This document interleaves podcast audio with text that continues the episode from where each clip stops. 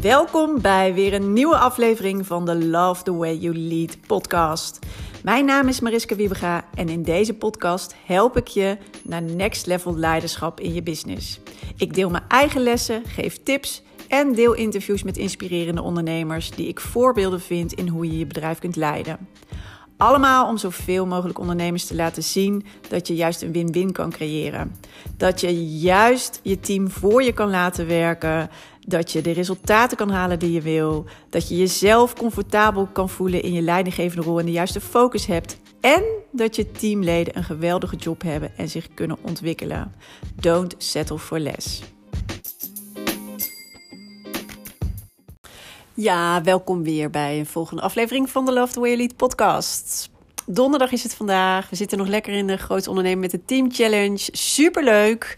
Heel veel ondernemers uh, die uh, al lekker bezig zijn. En uh, ik heb ook besloten om het volgend jaar, ja, volgend jaar, want in 2022, begin van het jaar, weer nog een keer te doen. Dus mocht je het nu missen, dan is het zeker een aanrader om erbij te zijn de volgende keer. Maar uh, goed, dat komt dan TZT natuurlijk. Maar goed, en ben je er wel bij? Uh, dat je ook deelneemt aan de challenge. Goed, en ondertussen bedacht ik me, we zitten alweer in de eerste week van oktober. Die is eigenlijk al zo bijna weer voorbij. Dan gaan we dus ook redelijk snel richting 1 november. En op 1 november start een nieuwe groep van het Bouw Je Team programma. Mijn online programma, inclusief coaching waarin ik uh, ondernemers help om hun beste team neer te zetten. Als geoliede machine, maar ook dat jij gewoon heerlijk je uh, rustig senang en um, vooral uh, ja, voelt in je leiderschap. En ook eigenlijk precies weet uh, wat jij vooral te doen hebt om het beste uit je team te halen. En om heerlijk te werken met je team. En van de week kreeg ik namelijk weer een paar hele mooie reacties van oud-deelnemers. Toevallig allemaal. Of nou ja, toevallig. Hoe toevallig? Misschien ook niet. En toen dacht ik ook, oeh, we gaan ook al heel hard richting 1 november. Dus um, ja, weet dat het daarna weer even duurt voordat er een nieuwe groep start. Dus mocht dit wat voor je zijn, of mocht je denken, oh, ik heb wel even uh, een steuntje in de rug nodig. Of ik zou nu zo graag die omslag maken naar um, niet meer strukkelen, trekken en duwen met het team, maar gewoon dat het heerlijk loopt. Laat het me dan weten. En uh, schiet even een uh, gratis kennismakingsgesprek in. En mail me gewoon even daarover. Mariska uit Leiderschapsontwikkeling. En uh, ja, dan kijk ik er naar uit om met je kennis te maken. Goed, in dit, um, deze podcast een onderwerp wat heel vaak terugkomt. En waar ik vaak vragen over krijg. En dat is over grenzen stellen en je medewerkers aanspreken. En ook trouw blijven aan je grenzen. En vaak zie ik toch dat, uh, ja, de grens een beetje vervaagt of er gewoon, ja, overheen gegaan wordt en er niet zoveel aan gedaan wordt. En wat de reden ook mag zijn. Of het, ik herken ook heel erg van, nou, hopen dat het toch wel goed komt. Of, nou ja, um, misschien het ook maar even een beetje te laten waaien, omdat het niet zo goed uitkomt, omdat je even geen energie hebt om er iets van te zeggen. Of omdat je denkt, nou ja, weet je, ik laat het ook maar een beetje los. Maar het is zo belangrijk um, om echt te gaan staan en vast te houden aan de visie die je hebt uh, voor je bedrijf. En ook ja, op wat voor manier je wil werken, wat voor jou belangrijke waarden zijn. Het trouw blijven aan jezelf en hoe je je bedrijf wil runnen. En daarvoor is het belangrijk dat je die grenzen wel goed in de gaten houdt en ook stelt als dat nodig is. En ik, uh, nou, het kwam van de week weer te sprake en daarom moest ik nadenken over. Weet je, ik ben um, zeker in mijn leidinggevende rol, in het begin was ik niet altijd. Ik, tenminste, ik zou mezelf, als ik terugkijk, niet als super uh, strikt, standvastig. Um, he, um, ja, heel erg vasthouden aan regels of zo. Zo zou ik mezelf helemaal niet bestempelen. Dus ik, ik weet ook. ja, toch wel een mate van vrijheid uh, geven. Waarbij ik in het begin echt nog wel heel erg ook op de controlestoel zat. Maar um, toch was ik altijd wel heel erg van. Um, die grenzen goed in de gaten houden. Of ik voelde altijd heel goed aan als die grens overschreden werd. En dan iets in mij maakte dat ik dacht: ja, maar hier ga ik wel wat mee doen. Dit laat ik, dit laat ik niet gebeuren. Ook al heb ik er nu geen zin in, ook al heb ik er nu geen buff voor, ook al hoop ik dat het goed komt. Die herken ik namelijk ook. toch gaf iets. En toen dacht ik, ja, maar hoe werkte dat nou eigenlijk bij mij? Of wat, hoe werkt het nu ook altijd bij mij? Wat maakt dat ik toch uh, dan het zo belangrijk vind om er uh, wel aandacht aan te besteden en actie op te ondernemen? Terwijl ik nu dus heel vaak zie en terug hoor van ja, ik uh, ben, vind dat lastig. Of ik laat het maar gaan. Wat ik ook heel herkenbaar vind hoor. Maar um, en toen dacht ik, hé, dat ga ik met je delen in deze podcastaflevering. Want wellicht helpt het jou ook. Want wat voor mij altijd toch nou ja, wat ik net al zei, ik voelde hem altijd echt. Dat is een soort buikgevoel, intuïtie van ja, weet je, maar dit gaat dus nu over de grens. Of dit gaat, zo wil ik het niet. Of dit is niet hoe ik hier wil samenwerken. En ik, wat ik me er altijd bij bedacht, en dat is een van de vragen die ik dus altijd aan mezelf stelde, is: wat gebeurt er als ik nu niks doe? Wat gebeurt er als ik nu niks doe? En dan zag ik al, oh, dan wordt dit probleem groter dan wordt het veel ingewikkelder. Dan gaat het de rest van mijn team infecteren. Nou, weet je, eigenlijk allemaal negatieve uh, consequenties waar ik helemaal niet op zat te wachten. Dus dat maakte al dat ik ineens dacht: oh ja, maar dat gaan we dus, dat wil ik niet. Daar, dan is het tot hier en niet verder.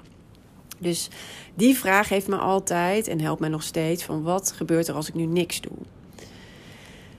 Aan de andere kant had ik, heb ik ook heel sterk dat ik weet dat je in je leidinggevende rol moet je gewoon af en toe dingen doen waar je niet op zit te wachten, waar je misschien niet heel erg uh, blij van wordt, uh, maar wat je leiderschap wordt af en toe gevraagd ook. Hè? Dus uh, natuurlijk is het al belangrijk om het te pakken, maar het wordt soms ook gevraagd om er ook daadwerkelijk um, ja, even stevig in te staan.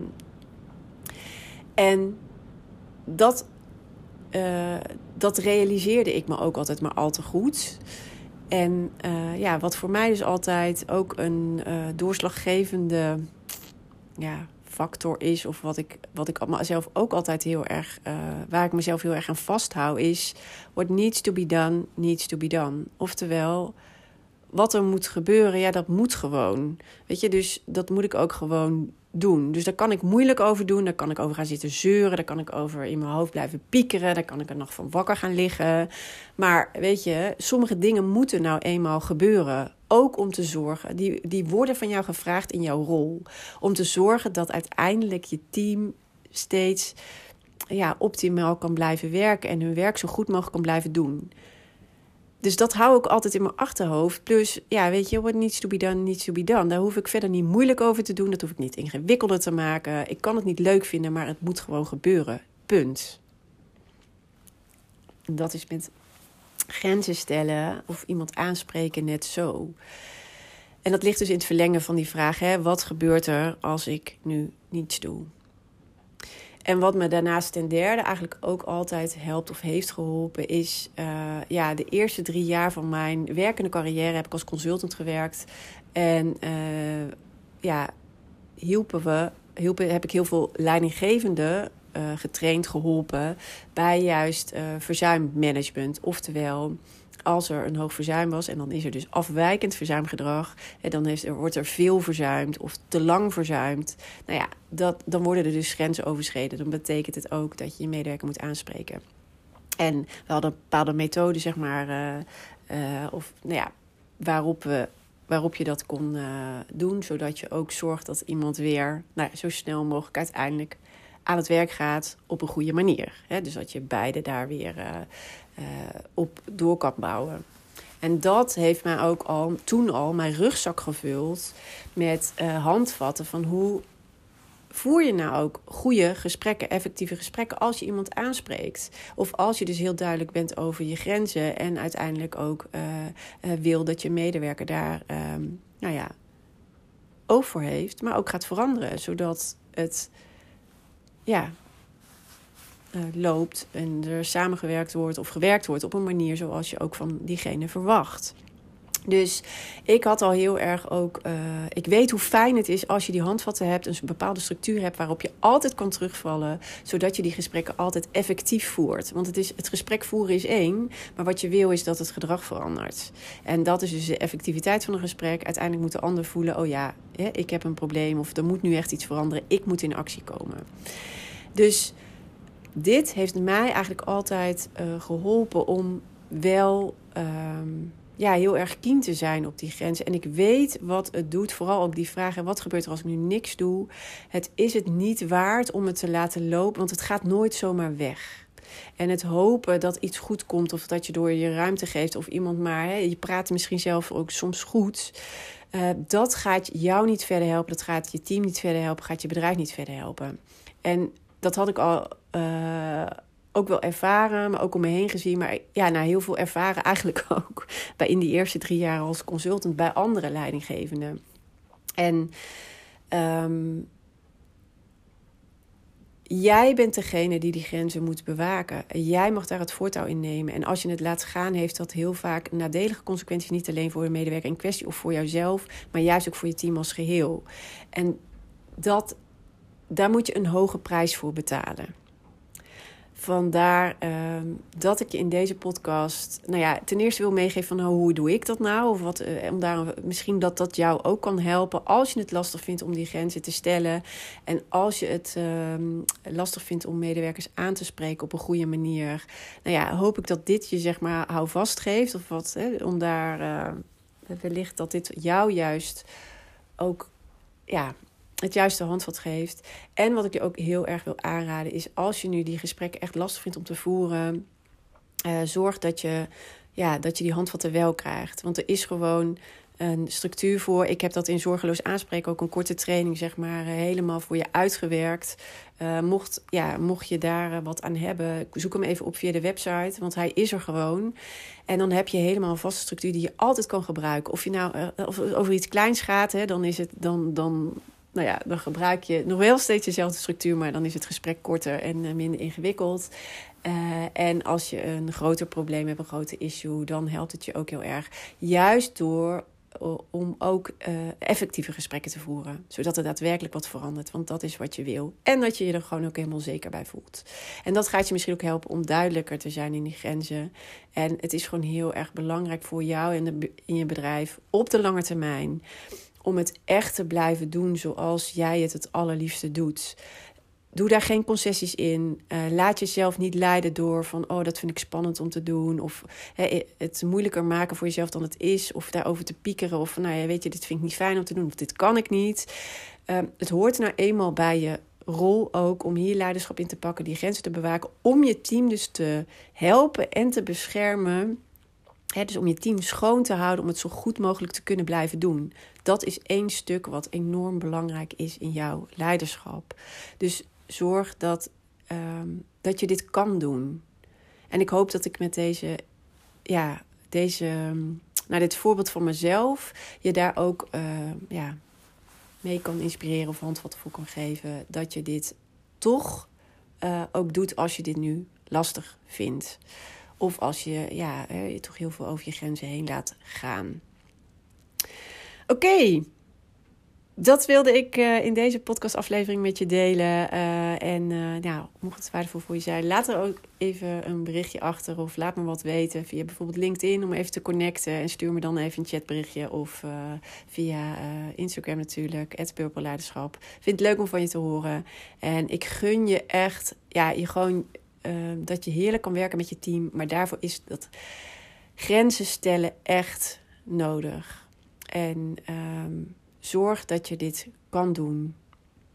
Zodat het voor jou goed voelt. Uh, en dat je het ook daadwerkelijk doet. En dat is gewoon een van de aller, allerbelangrijkste dingen om uh, ja, je team uh, optimaal te kunnen laten werken. Goed, ik ga hem afsluiten nu. En uh, ja, ik zou zeggen tot de volgende keer. Doeg!